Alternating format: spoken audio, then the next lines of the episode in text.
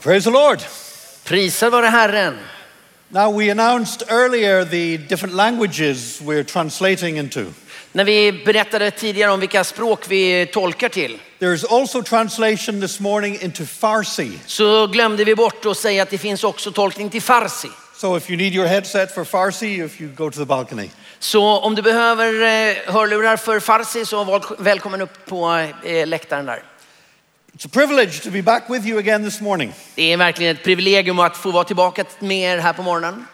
Uh, last night we were talking about finding God's purpose. Igår kväll så talade vi om att eh, hitta Guds mening med våra liv. and getting fully on board with the plan of God for our individual lives and for the church. Och komma helt i linje med Guds vilja, både när det gäller våra liv och när det gäller församlingen.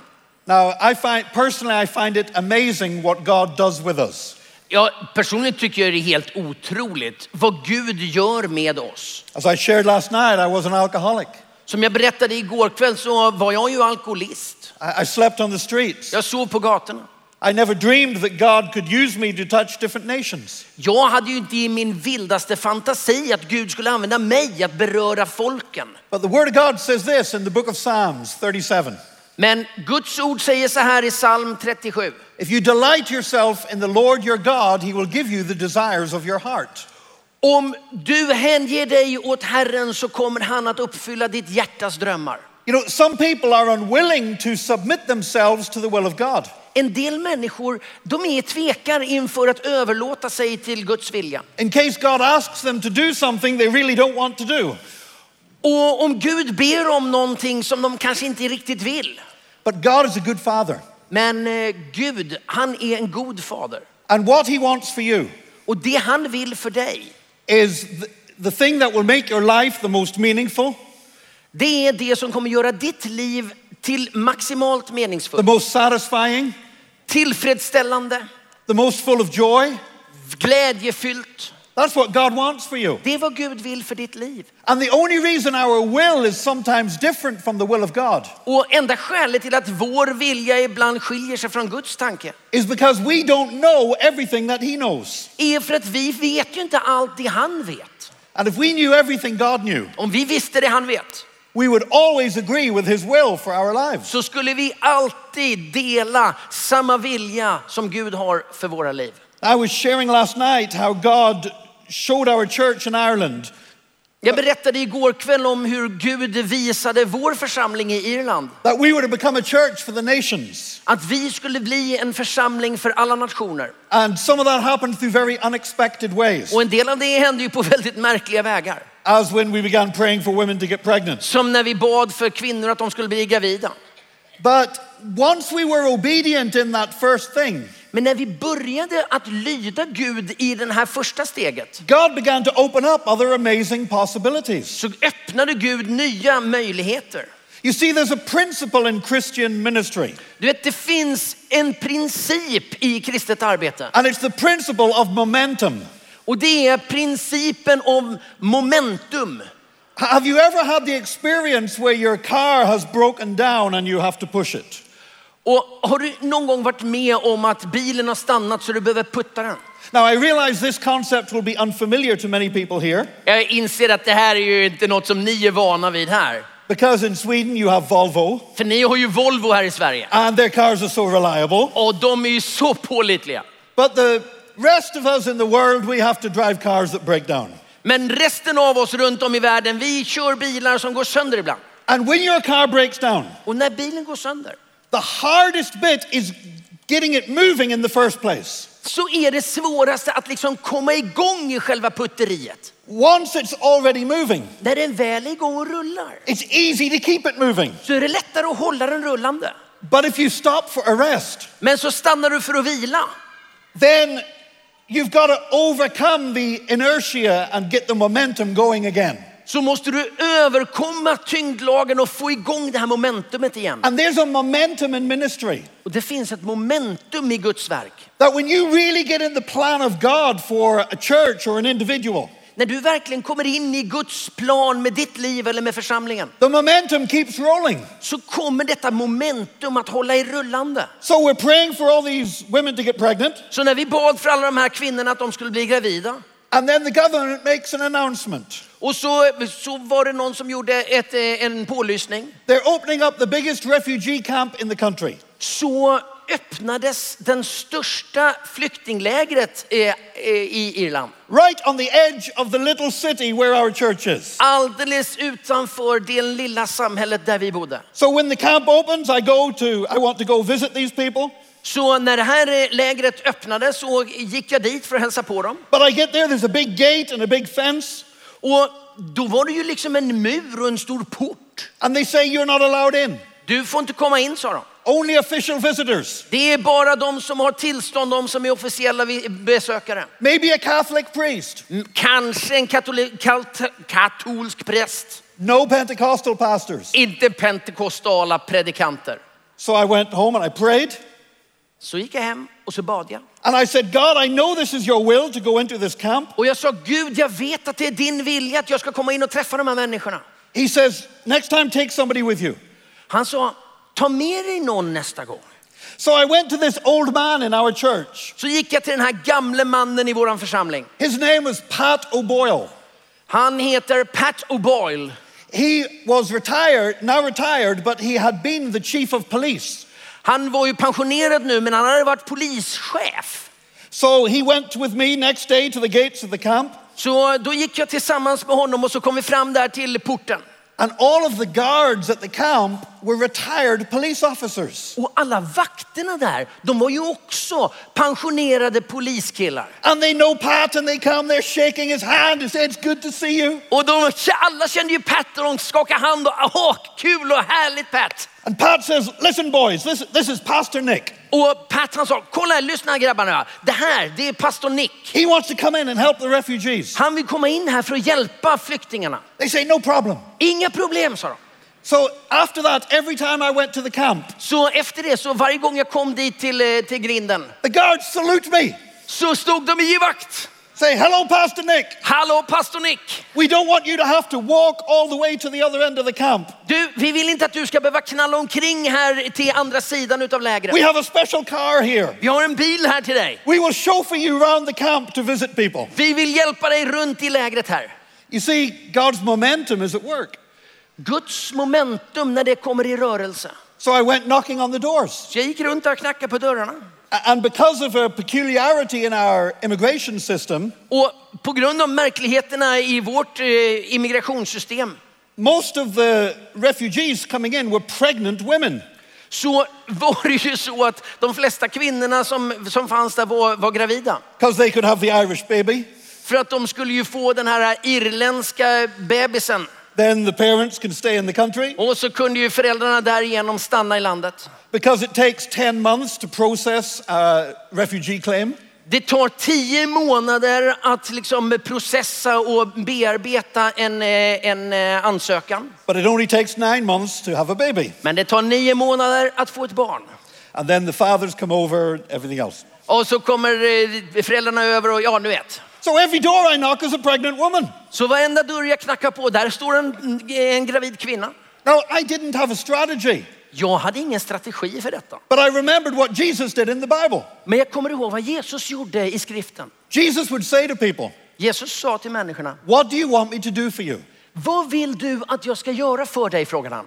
Even when the answer seemed obvious, Även när svaret verkade helt uppenbart. you've got a blind man. Du har en blind kille Jesus says, What do you want me to do for you? och Jesus frågar, vad vill du att jag ska göra för dig? What do you think? Vad tror du?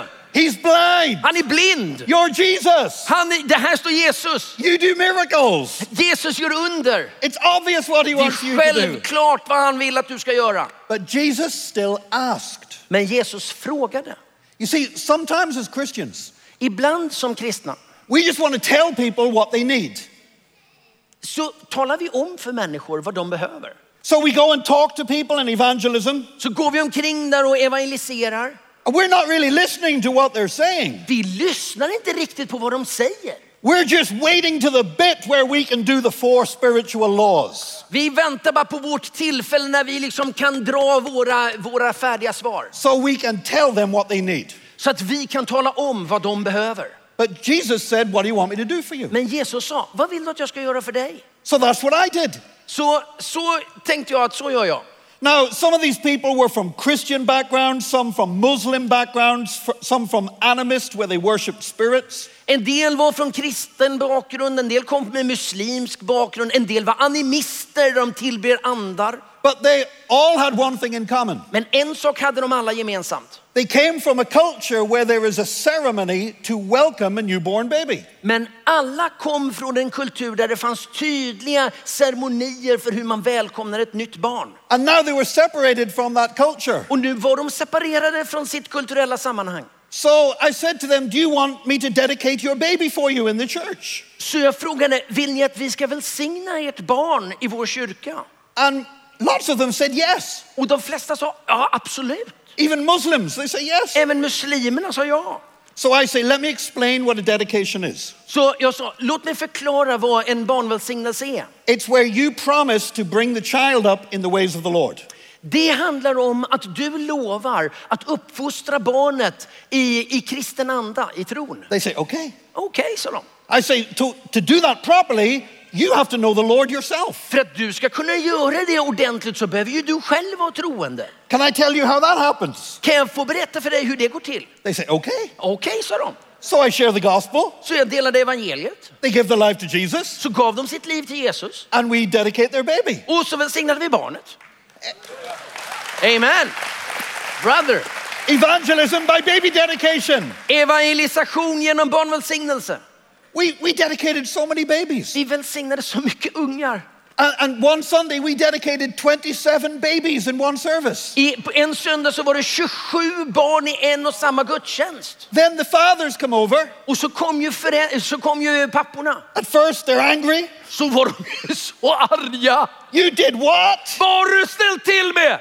Then we meet the fathers. Och så mötte vi förä- papporna. Many of them start coming to the church. Och så började de komma till kyrkan. Soon we're having to hire a 53 seat bus to bring these people to church every Sunday. Och till slut var vi tvungna att hyra en sån här fullstor buss för att få alla till kyrkan. You see, God's momentum at work. Guds momentum när det kommer i rullning. And then I pick up the newspaper Så plockar jag upp tidningen. and I read about uh, the Irish Health Service. Och så läser vi om den här irländska hälso, eh, hälsovården. We didn't have enough nurses. Vi hade inte tillräckligt med sjuksköterskor. So they were recruiting nurses in the Philippines. Så de eh, rekryterade filippinska sjuksköterskor. Now, there's one thing I know. Det finns en sak som jag känner till. When people have a great change in their life, När det blir stora förändringar i en människas liv, when they move to another place, när man flyttar till ett nytt ställe, or they undergo some great tragedy in their life, eller när man, när man är med om en stor tra- tragedi i livet, they are more open to the gospel than at other times. så är man mer öppen för evangeliet. So I got in touch with a Filipino church in the Middle East. Så jag tog kontakt med, med den filippinska församlingen i Mellanöstern. I said, Will you please send us a missionary? Jag sa till dem, kan ni skicka en filippinsk missionär till oss? They said, How many Filipinos in Ireland? Hur många filippiner finns det i Irland? frågade de. I said, Well, none yet, Jag sa, ingen ännu, but I know they're coming. men jag vet att de kommer. So they sent a missionary over. Så de skickade en missionär till oss. All the other churches are laughing at us. Alla de andra eh, kyrkorna, de bara skrattade åt oss. Those crazy Pentecostals. De här galna pingstvännerna. They have a Filipino missionary. De har en filippinsk missionär i There's no Irland. Filipinos in Ireland. Det finns inga filippiner i Irland. Uh, and this lady, her name was Patricia, Och den här kvinnan, hon heter Patricia. and this is how her ministry was. Och så här gick hennes arbete till. She would go and stand in the airport. Så gick hon, hennes arbete gick ut på att stå där på flygplatsen. And you know when you arrive in a strange place, Och du vet när du kommer till en främmande flygplats you go through that exit door in the airport, så går man igenom den där utgångsdörren på flygplatsen. and you see all these strange faces looking at you. Och så ser du alla de här främmande människorna stirra på just dig. You feel lost. Du är ju helt förlorad. You, you just want to see a friendly face. Du vill bara se ett vänligt och igenkänt ansikte. So here these Filipino nurses are arriving in a strange country Så kommer alla de här filippinska sjuksköterskorna till ett främmande land. and they see Patricia. Så ser de Patricia. She goes, Hi! Hon står hej! She runs up, she hugs them. Hon springer fram och kramar dem. Now, now they were already arriving with a job and accommodation lined up. De, var ju, de kom ju, allt var ju ordnat, de hade ju jobb, de hade boende, allt var klart. But there's so many other things you need to learn when you go to a new country. Det finns så mycket annat du behöver lära dig när du kommer till en ny kultur. How do you enroll your children in school? Hur skriver man in barnen i skolan? What, what day is the garbage collected? När tömmer de soporna? How does the public transportation work? Hur funkar busstrafiken och kommunikationerna? And Patricia would teach them all these things. Och Patricia fanns där och hjälpte dem med allt detta. And of course, because she's a Christian, Och eftersom hon är kristen she keeps talking about Jesus while she's doing it. så talar hon ju förstås om Jesus samtidigt som hon snackar om soporna. Within one month, Inom en månad we started the first Filipino church in Dublin. så startade vi den första filippinska kyrkan i Dublin. We had over 100 in attendance. Vi hade över hundra deltagare. So you can plant a church by going and saying hi to people in the airport. Du vet, församlingsplantering kan handla om att stå hej på flygplatsen. Now, again, I'm not saying this for you to copy these methods. Alltså jag säger inte det här för att ni ska kopiera den här metoden. I'm saying that when you get on board with God's plan to make disciples of all nations, Men det handlar om att komma i linje med Guds vilja för att forma lärjungar. then the Holy Spirit makes things happen. Då kommer den heliga ande att se till att saker börjar hända. But this morning, I want to speak to a particular category of people. Men den här morgonen skulle jag vilja tala till en alldeles speciell kategori av människor. Those of you who feel like you are always in somebody else's shadow. De av er som känner att ni alltid står i någon annans skugga. In fact, this morning's message is entitled Faktum är att den här morgonens eh, eh, eh, predikans titel, Out of the Shadows and Into the Fire. det är ut ur skuggan och in i elden. Because some of us, we've always followed other people, En del av oss, vi har alltid följt efter någon annan.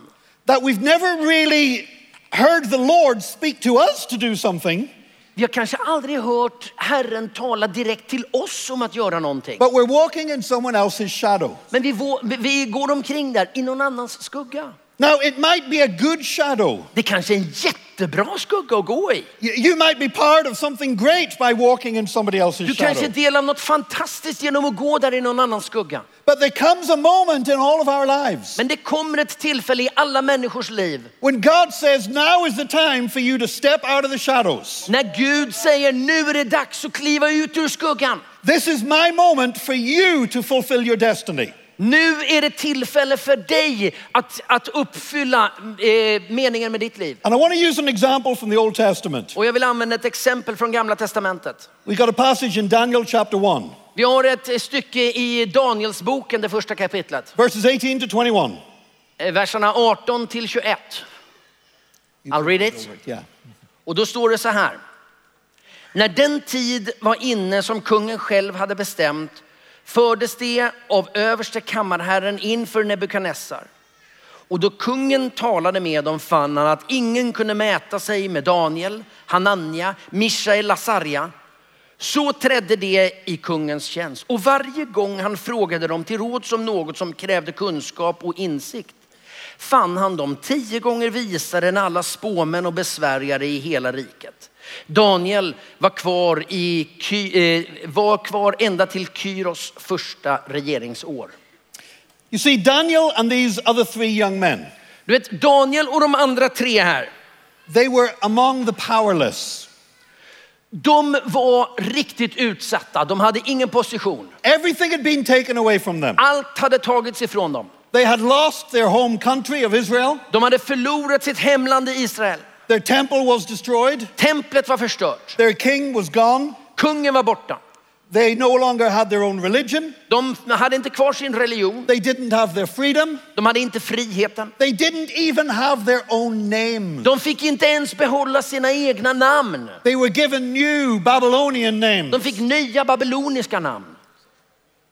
And there was one thing they had power over Det fanns en sak som de hade kvar makten över. Because they were servants of the king. För du vet, de var ju kungens tjänare. In, in fact, some translations say they were eunuchs of the king. Eh, En del översättningar talar om dem som eunuch- eunucker. So maybe they had lost even parts of their body. De kanske till och med hade förlorat delar av sin egen kropp. And now they are in training. Och så är de nu här i, under upplärning. They're getting this special Babylonian food that's like a power diet. Så får de den här speciella babyloniska maten som en kraftfoder. And even though every other choice has been taken away from them, Och även om alla andra valmöjligheter hade tagits ifrån dem the Word of God says Daniel resolved not to eat that food. Så, säg, så står det att Daniel bestämde sig för att inte äta av maten. When every other freedom was gone, All annan frihet var tagen ifrån honom. Daniel said, At least I'm going to choose what I eat. Jag ska åtminstone bestämma vad jag äter, sa Daniel. And he came to an agreement with the chief eunuch Så kom han till med en överenskommelse över, över chefen där. that they would only eat vegetables Att de skulle bara äta grönsaker. and they would trust God to keep them strong. Och de skulle lita på Gud, att Gud skulle ge dem styrkan. And, and that's what happened. Och det var det som hände. So Daniel got promoted. Och Daniel han, han växte i förtroende. And these three young men, Och de här tre andra unga killarna, well, they just get taken along in Daniel's shadow. och de fick liksom följa med där i Daniels skugga. Daniel was the man. Daniel var ju killen för dagen. You know, sometimes in the Christian church, we like the man of God. Du vet, vi är så förtjusta i liksom gudsmannen. I once heard a pastor say this to his congregation. En gång hörde jag en pastor säga så här till sin församling. He said, God has given me a vision, Gud har gett mig en vision, sa han. and He sent you all here to help me fulfill my vision. Och han sa att ni, ni och Gud har sänt alla er hit för att, för att jag ska kunna uppfylla min vision. That is not what the body of Christ is about. Det är inte så Kristi kropp funkar. Because God has a vision for every one of you. För Gud har en vision för var och en av oss. And He sends you to a church Och han skickar dig till en församling so the pastor can help you fulfill your vision for your så life. att pastorn kan hjälpa dig att uppfylla Guds syfte med ditt liv. And when you have a church full of people who are fulfilling God's purpose for their lives, Och du vet när du har en församling full av människor som fullföljer Guds syfte med deras liv. that's when church really gets exciting. Då blir det riktigt spännande att vara församling. And that's when the pastor's vision gets fulfilled anyway. Och då kommer nog pastorns vision att bli fullföljd ändå. So, so these three guys, they're, they're, they're coming along in Daniel's shadow. Så de här tre killarna, de liksom följer med där i Daniels skugga. And then the king of Babylon had a vision. Och sen så hade ju kungen i Babylonien en dröm. He saw this big statue, Och så såg han en stor staty. and it was made of, different parts of gold and silver and bronze and iron and clay.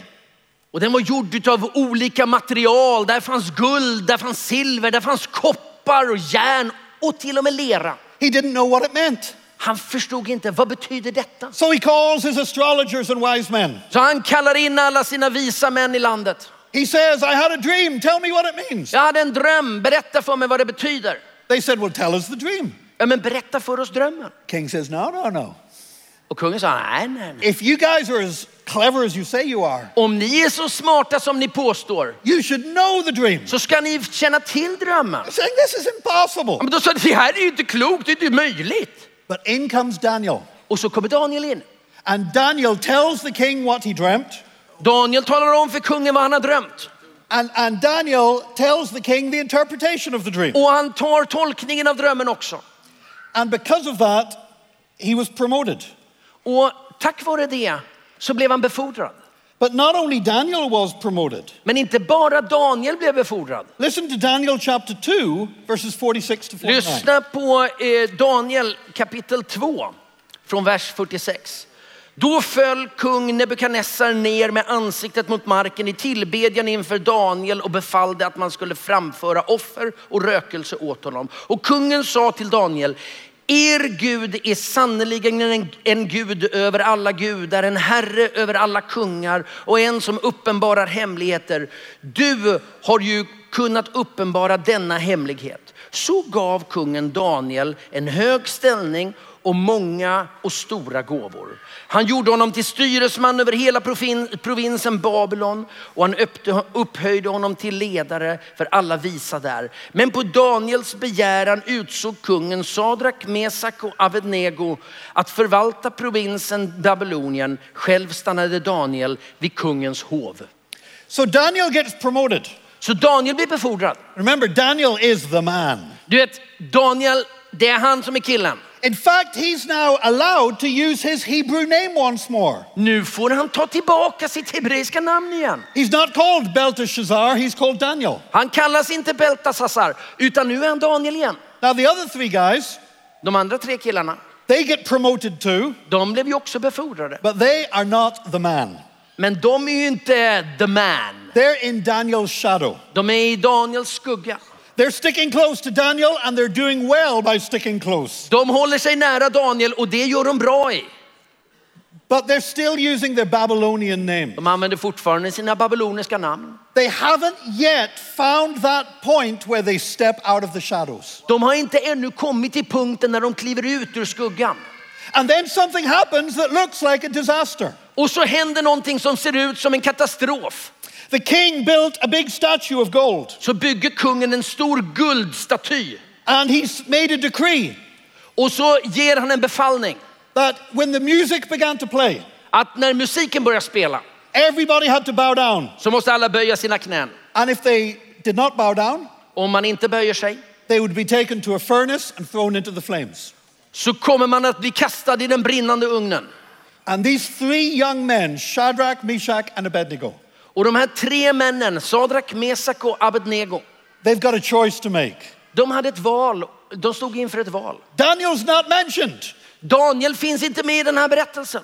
I don't know where he is. Ja, men vi vet inte var han är någonstans. Maybe he's away on holiday when this happened. Han är kanske på semester.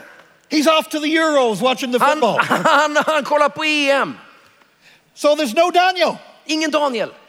Now's the time for these three young men to step out of the shadows. Nu är det dags för de tre killarna att kliva fram ur skuggan. The whole kingdom bows down, Hela kungadömet böjer sina knän. and these three young men stand tall. Men de här tre unga männen, de står stadigt kvar. So the king calls them in.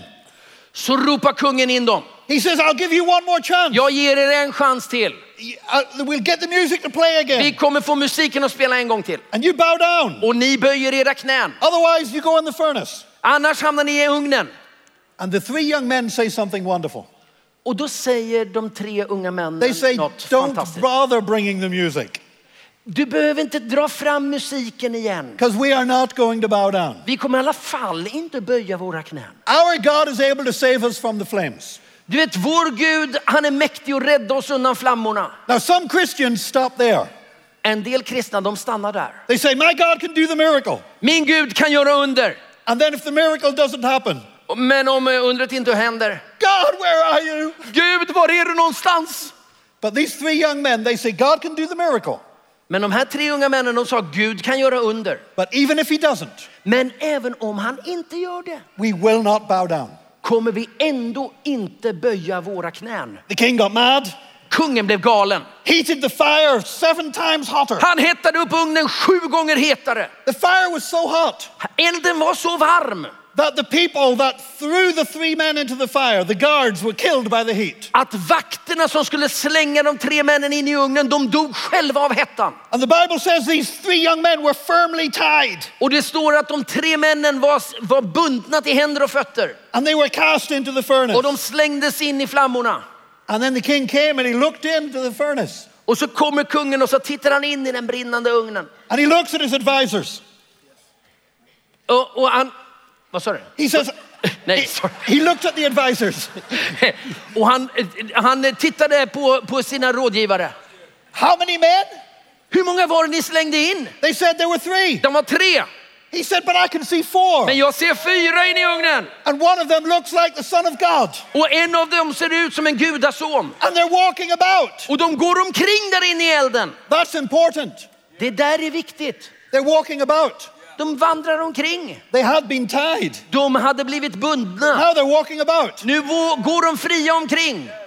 Because other people looked at that furnace Andra som tittade på den där brinnande ugnen. and they said that is the most dangerous place in the kingdom. De sa det där är den farligaste platsen i hela kungariket. But for Shadrach, Meshach, and Abednego, Men för Sadrak, Mesak och Abednego, that furnace was the safest place in the kingdom för dem var detta den tryggaste platsen i hela riket. because the Son of God was waiting for them in the flames. För där inne i flammorna väntade Guds son på dem. And I want to I want to tell you this. Och jag skulle vilja säga till er idag, It doesn't matter where things take you. det spelar ingen roll var, var omständigheterna för dig. If you are in the center of the will of God, Om du är mitt i Guds vilja the Son of God is waiting for you in the flames. så kommer Guds son att stå och vänta på dig i flammorna. And you know what? Socially, politically, things can look terrible. Du vet att i alla avseenden så kan saker se fruktansvärda ut. But the Son is waiting in the flames. Men sonen väntar i flammorna. And so the king called them out. Så ropas de ut av kungen. Shadrach, Meshach, and Abednego, they came out. Sadrak, Mesak och Abednego kommer ut. And the Bible tells us three things about them. Och Bibeln talar om tre saker om dem. Now, this alliteration sounds better in English than it does in Swedish. Jag tror att eh, den här allitterationen låter bättre på engelska än på svenska. But they were unburnt. Men de var obrända. Their, their, their clothing was not burnt. Deras kläder var inte brända. Their hair was not burnt. Håret var oförstört. They didn't even smell of smoke, De luktade inte ens eld. which made them different from some Christians I know. Ja, det, det. De luktade inte ens rök, vilket gör dem till skillnad från en del kristna jag känner. So they were unburnt. De var obrända. They were, they were also unbound De var obundna. because the ropes, För repen, you see, their clothes did not burn. kläderna, de Their, hade inte their hair bränts. did not burn. Hä- Håret hade inte Their förstörts. bodies did not burn. Kroppen var oberörd. But the ropes burnt. Men repen brann av. Because when the Son of God is waiting for you in the flames, För när Guds son väntar på dig i flammorna, the only thing that gets burnt is the stuff that binds you anyway. är det enda som brinner då är det som binder dig. Halleluja. Halleluja. And they were also unbowed Men de var också oböjda. because they refused to bow. För de vägrade att böja sig. And all those astrologers that had accused them, Och alla de här eh, efterföljarna som hade, som hade eh, anklagat dem, they had reported them to the king for refusing to bow. som hade rapporterat till kungen att de vägrade att böja sig. But now Shadrach, Meshach, and Abednego are promoted to higher authority. Nu blev ju Sadrak, Mesak och Abednego befordrade till högre upp i hierarkin. Not because of Daniel, Inte för att Daniel var den han var. because they stepped out of Daniel's shadow. För de hade klivit ut ur Daniels skugga. And now the people who had accused them, Och nu, de som hade anklagat dem. when Shadrach, Meshach, and Abednego come walking down the street, När Sadrak och Mesak och Abednego kommer gående genom gatorna now those enemies have to bow down to them så måste alla deras fiender böja sig för dem. because they refused to bow to the enemy. De vägrade att böja sig för fienden, The enemy had to bow down to them. men fienden hade att böja sig för dem. And there's an important spiritual principle here. Här finns en viktig andlig princip. I want to finish by telling you about a, a modern day example of this, Jag skulle vilja sluta med att berätta om ett modernt exempel på detta. about a black lady in the United States. Om en svart kvinna i USA. Uh, her name was Rosa Macaulay. Hon heter Rosa Macaulay. She was a descendant of Irish settlers Hon, hon hade irländska förfäder. who, when they first arrived in America, lived, uh, worked alongside slaves. Och när de kom till, eh, när de kom till USA för, i början där så arbetade de tillsammans med slavar. And there was intermarriage took place. Och det blev liksom eh, äktenskap över de här gränserna. And, and one of the grandchildren from that was Rosa Macaulay. Och ett av barnbarnen längre ner i släktledet var Rosa Macaulay. Now, one day she was arrested. En dag så blev hon eh, anhållen. Now, imagine this is your grandmother. Tänk dig att det här är din mormor. And the most famous photograph that exists of your grandmother is that one. Och det mest kända fotot på din farmor, And det är när hon är är tillfångatagen, är fängslad. A mugshot Ett, ett fångkort with the police number. Med polisnumret så här. Because what happened was this. För det som hände var detta.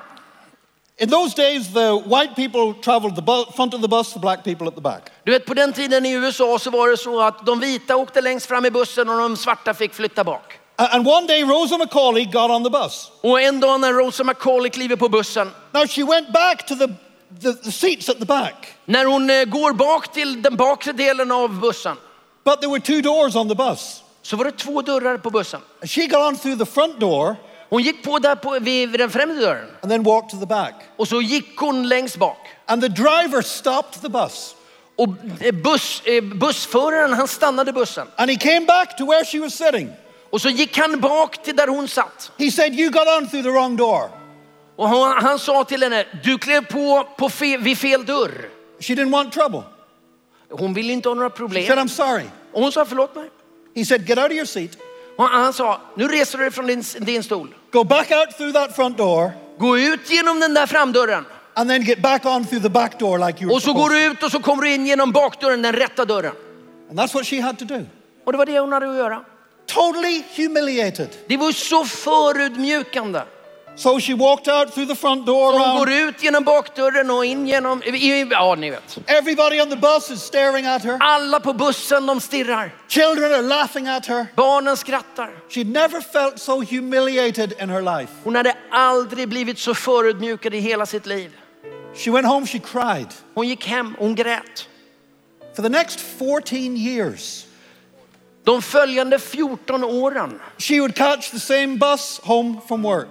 Så åkte hon med samma buss till och från jobbet. And many times she would see this same driver Och många gånger var det samma busschaufför who had humiliated her. som hade förutmjukat henne. And she was so afraid of him Hon var så rädd för honom.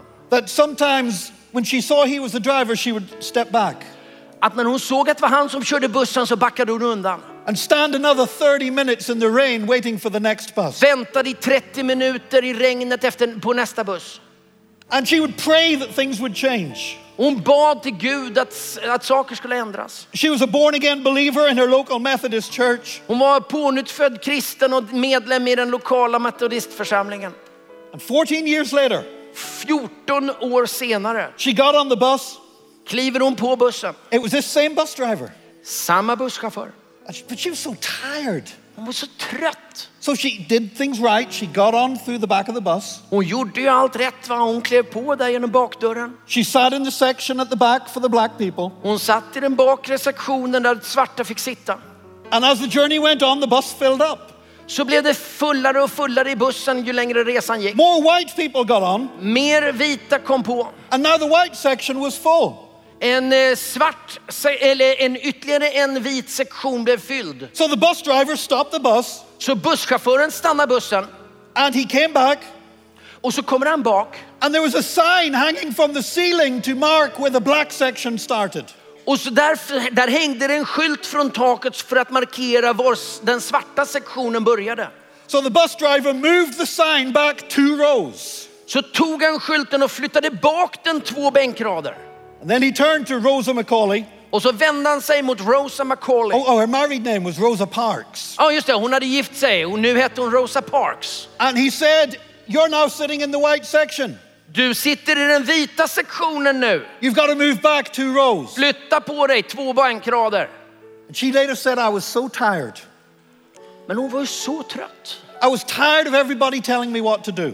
Och hon säger att jag var så trött på att hela tiden höra från andra vad jag skulle I was göra. tired of giving in to injustice. Jag var, jag var så trött på att liksom uppfylla det som jag krävdes av mig. I was just tired of being pushed around. Jag var bara trött på att bli runtskjutsad. And she said, No. Och så säger hon nej. And that's why she got arrested. Och därför blir hon arresterad. It caused a huge controversy. Det där blev ju en jättekontrovers. All the black people in the city stopped using the buses. Alla svarta i stan slutade att använda bussarna. The controversy reached the White House. Och den här konflikten den når ända upp till Vita huset. And eventually the law was changed. Och till slut så förändras lagen. There was no longer any segregation on the buses. Man förbjöd segregationen på bussar. Because you see, that day that Rosa Parks said, I'm not going to be pushed around by injustice anymore, Du vet den här dagen när Rosa Parks sa, jag tänker inte låta orättfärdigheten skjutsa runt mig dit den vill. she stepped out of the shadows. Så klev hon fram ut ur skuggorna. This was her moment. Detta var hennes tillfälle. And today her grandchildren have another picture of her to remember Idag her by, har hennes barnbarn ett annat foto som de kan minnas henne. because she's on the front of a US stamp. Du vet, hon har fått ett frimärke. Now this is a special stamp. Du vet, det här är ett speciellt frimärke. If you notice, nowhere does it, oh sorry, this is what's called a forever stamp. Det här är det som kallas ett, ett eh, evighetsmärke, frimärke. Now that means when you buy a forever stamp, Du vet, när du köper ett evighetsfrimärke it's good for a first class letter. så, så gäller det för ett första klass brev. No matter how many years, even if the prices of the postage have changed, Oberoende av hur lång tid det tar, även om portot har gått upp, you can still use the forever stamp. så kan du alltid använda ditt evighetsfrimärke. You only get a few of them in the United Det States. finns bara några få sådana typer av frimärken i Only USA. very special people get honored in this. Bara väldigt speciella eh, människor får den äran. And Rosa Parks is one of those people. Och Rosa Parks är en av dessa människor. Whenever Nelson Mandela was released from jail, Du vet, när Nelson Mandela skulle frisläppas från sitt fängelse Rosa Parks was chosen to be the, among the group that first met him as he walked out of the prison gates. Rosa Parks blev utvald att stå i den gruppen som var de första att välkomna Nelson Mandela ut ur fängelset. Whenever she died, När hon dog her body lay in state in the US Capitol building.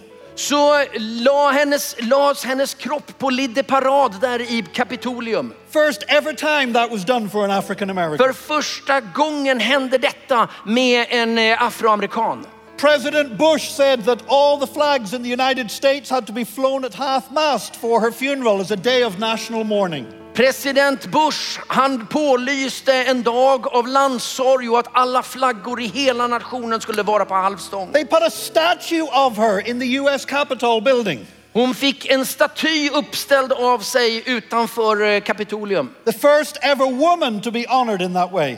Den första kvinnan som fick denna heder att stå staty. And every year, thousands of Americans, Och varje år så tus, kommer tusentals amerikaner. they queue up to at the Henry Ford Museum in Detroit. Så köar man för att komma in på museet, Henry Ford-museet i Detroit. Because the same bus that she was on that day is in that museum. För där inne på museet finns just den buss som Rosa Parks åkte med. And thousands of people, black and white, queue up. Och tusentals människor, vita och svarta, alla typer, de köar för att se just denna buss. And they sit in that seat where Rosa Parks Och sat. så sätter man sig på Rosa Parks säte. And they say one day, Och så säger man, en dag I hope my life can make the difference that Rosa Parks' life did. så hoppas jag att mitt liv ska göra den skillnad som Rosa Parks liv gjorde. You see, this is what happens when somebody steps out of the shadows. Du vet, detta är det som händer när någon kliver ut ur skuggan. And I believe that God is speaking to us here. Och jag tror att Gud talar till oss idag. And he says, yes, you've been, you followed good people. Och han säger, ja det är helt rätt, du har följt väldigt bra människor. But you need to know that God also has a special plan for your life. Men du behöver förstå att Gud har en speciell plan just för ditt liv. And at first, it might not look like an opportunity. Och i första läget kanske det inte ser ut som en möjlighet. It might be a turmoil, messy. Det kanske är helt kaosartat. It, it might be something as simple as knocking at the door of a refugee camp and being told to go away. Det kanske är någonting så enkelt som att stå där och knacka på, ett, eh, på en lägerport för flyktingar och bli avvisad. But we have that point Men tack vare den punkten, where we can't look to Daniel to carry us along every time. när vi inte längre kan titta på Daniel och följa hans skugga. And God bless Daniel Och Gud välsigne Daniel and this Daniel. och den här Daniel också. But there comes a time when you say, I've got to step out of the shadows Men det kommer en punkt när, när du behöver säga till dig själv, nu kliver jag ut ur skuggan. because God's got a purpose and a plan for my life. För Gud har ett syfte och en plan med mitt liv. and I'm going to lay hold of it. Och jag tänker hålla fast vid detta. And this world's going to be a different place because God put me on the face of the planet.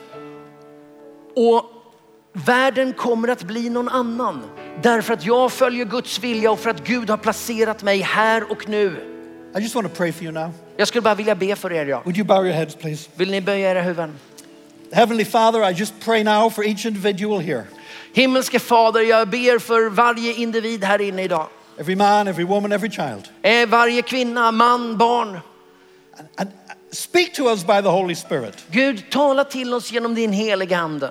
When we reach that point of decision När vi kommer till den där punkten av beslut, where we have to take a stand for you, när vi måste ta ställning för dig. help us to know that it is you that is speaking to us. Hjälp oss att känna igen din röst när du talar. Lord, we've heard today that you use the most unlikeliest of people. Gud, vi har hört idag att du använder de mest otro, orimliga situationer. Pray that you will take our lives Gud, vi ber att du ska ta hand om våra liv. and help us to find our place in your purpose and plans. Gud, hjälp oss att hitta vår plats i din plan, i dina syften. To be used by you in incredible ways. Att bli använd av dig på otroliga sätt. In Jesus' name we pray. I Jesu namn så ber vi detta. Amen. Amen. God bless you. Gud välsigne er.